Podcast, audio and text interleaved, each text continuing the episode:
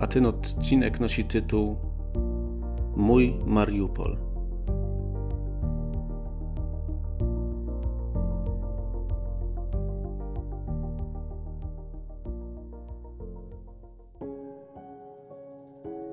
Kiedy odwodziłem dzisiaj dzieci do szkoły, w radiu właśnie leciały wiadomości i krótki raport z sytuacji na Ukrainie.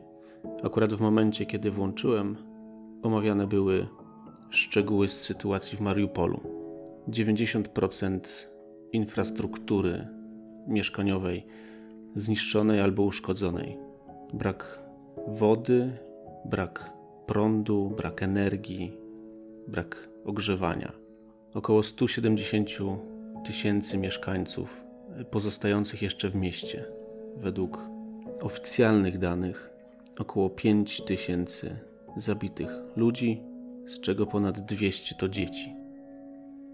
Ten odcinek miał być dzisiaj o czymś zupełnie innym, ale ta informacja bardzo we mnie mocno zaczęła pracować.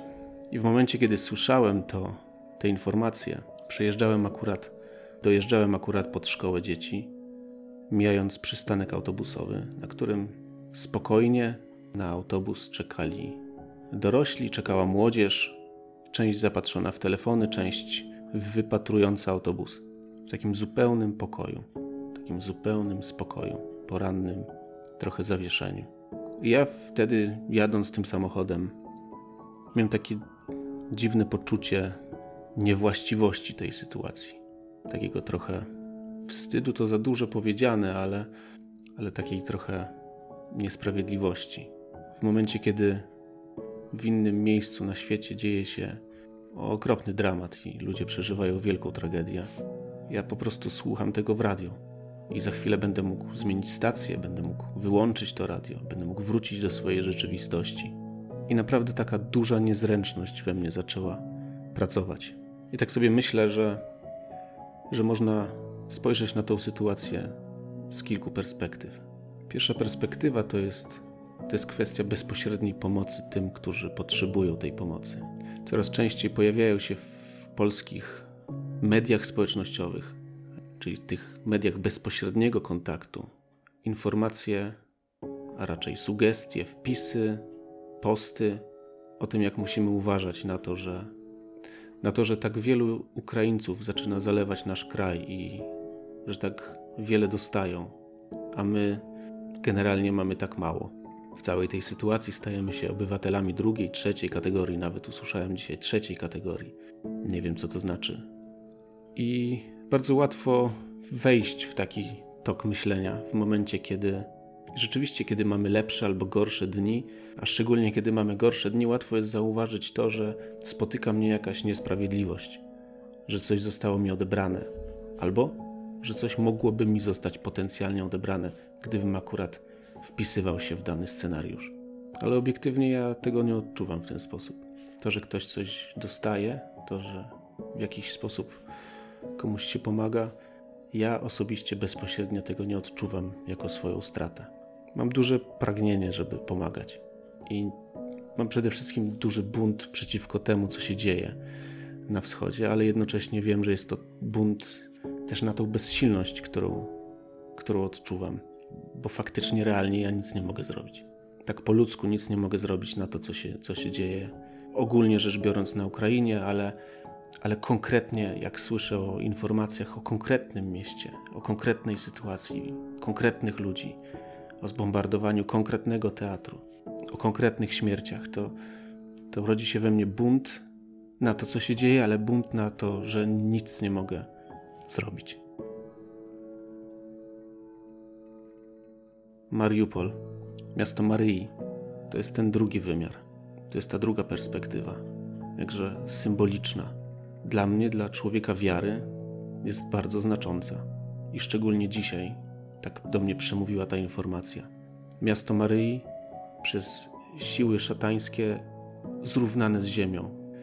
Ta, która od kilkunastu lat czuwa nad tym miastem, jest powodem tak wielkiej nienawiści złego, że on chce po prostu zrównać to miasto z ziemią. Niezależnie od tego, czy to miasto na to zasłużyło, czy nie. a na pewno nie zasłużyło na to. Żadne miasto nie zasługuje na takie traktowanie. I co ja mogę zrobić z tymi myślami, co mogę zrobić z tymi uczuciami, z tymi emocjami, jednocześnie będąc człowiekiem wiary? Tak jak, jak wcześniej, tak i tutaj patrzę na sprawę dwutorowo. Po pierwsze, może nie mogę pomóc albo zapobiec temu, co dzieje się w Mariupolu, temu, co dzieje się w miejscach ogarniętych wojną, ale Bóg mnie postawił tutaj i stawia na mojej drodze ludzi, którzy są doświadczeni albo pośrednio, albo bezpośrednio właśnie przez tą wojnę. I mogę pomagać właśnie im.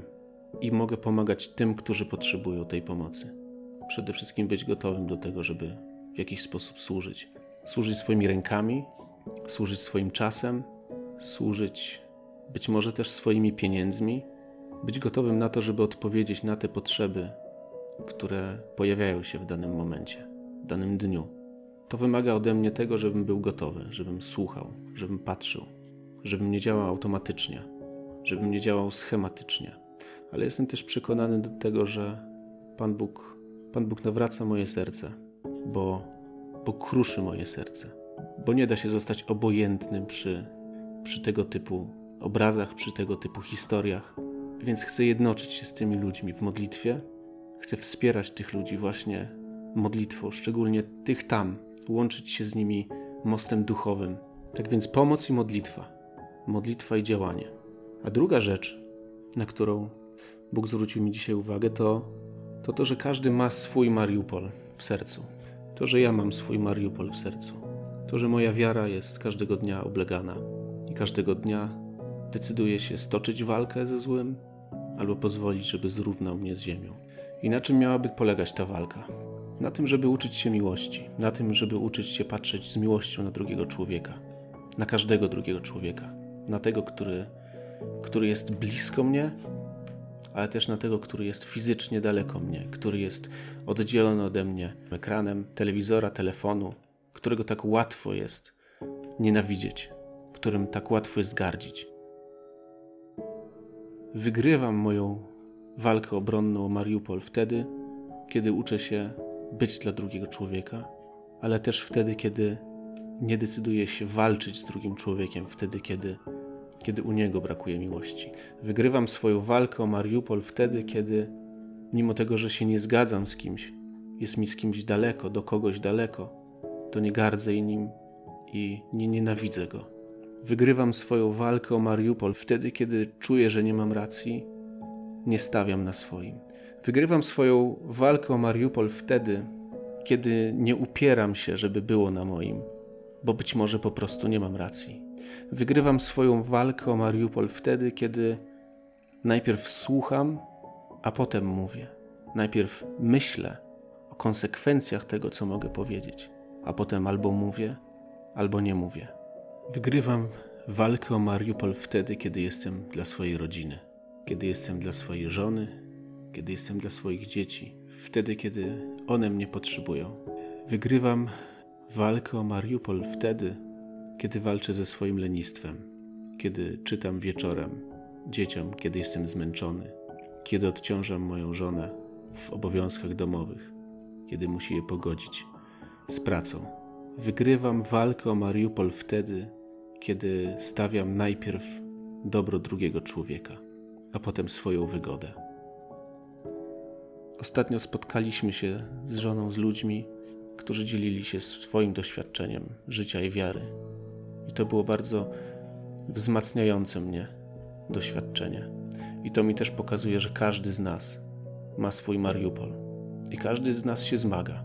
Problem może pojawić się wtedy, kiedy wróg odetnie mi prąd, wodę, ogrzewanie, jedzenie w moim Mariupolu, źródła mojego wzmocnienia, źródła mojego życia. Jakie są źródła Twojego życia? Strzeżesz ich? Jakie są źródła Twojego życia? Strzeżesz ich?